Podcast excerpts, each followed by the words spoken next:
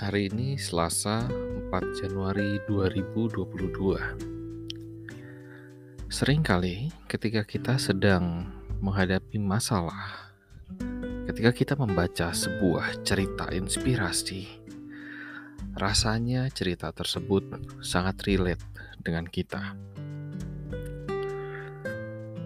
Hal ini mungkin bukan kebetulan semata Tetapi bisa jadi ini adalah cara Tuhan untuk berbicara kepada kita melalui cerita yang sudah ada.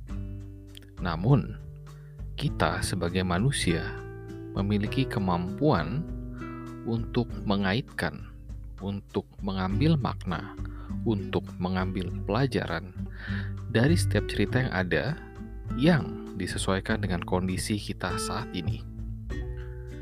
Sehingga, ketika kita menghadapi sebuah masalah, jangan takut untuk mencari bantuan.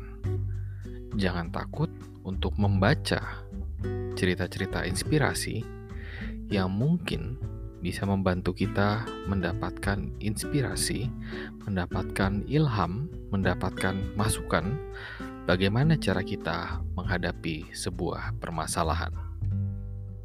Selamat pagi, selamat beraktivitas.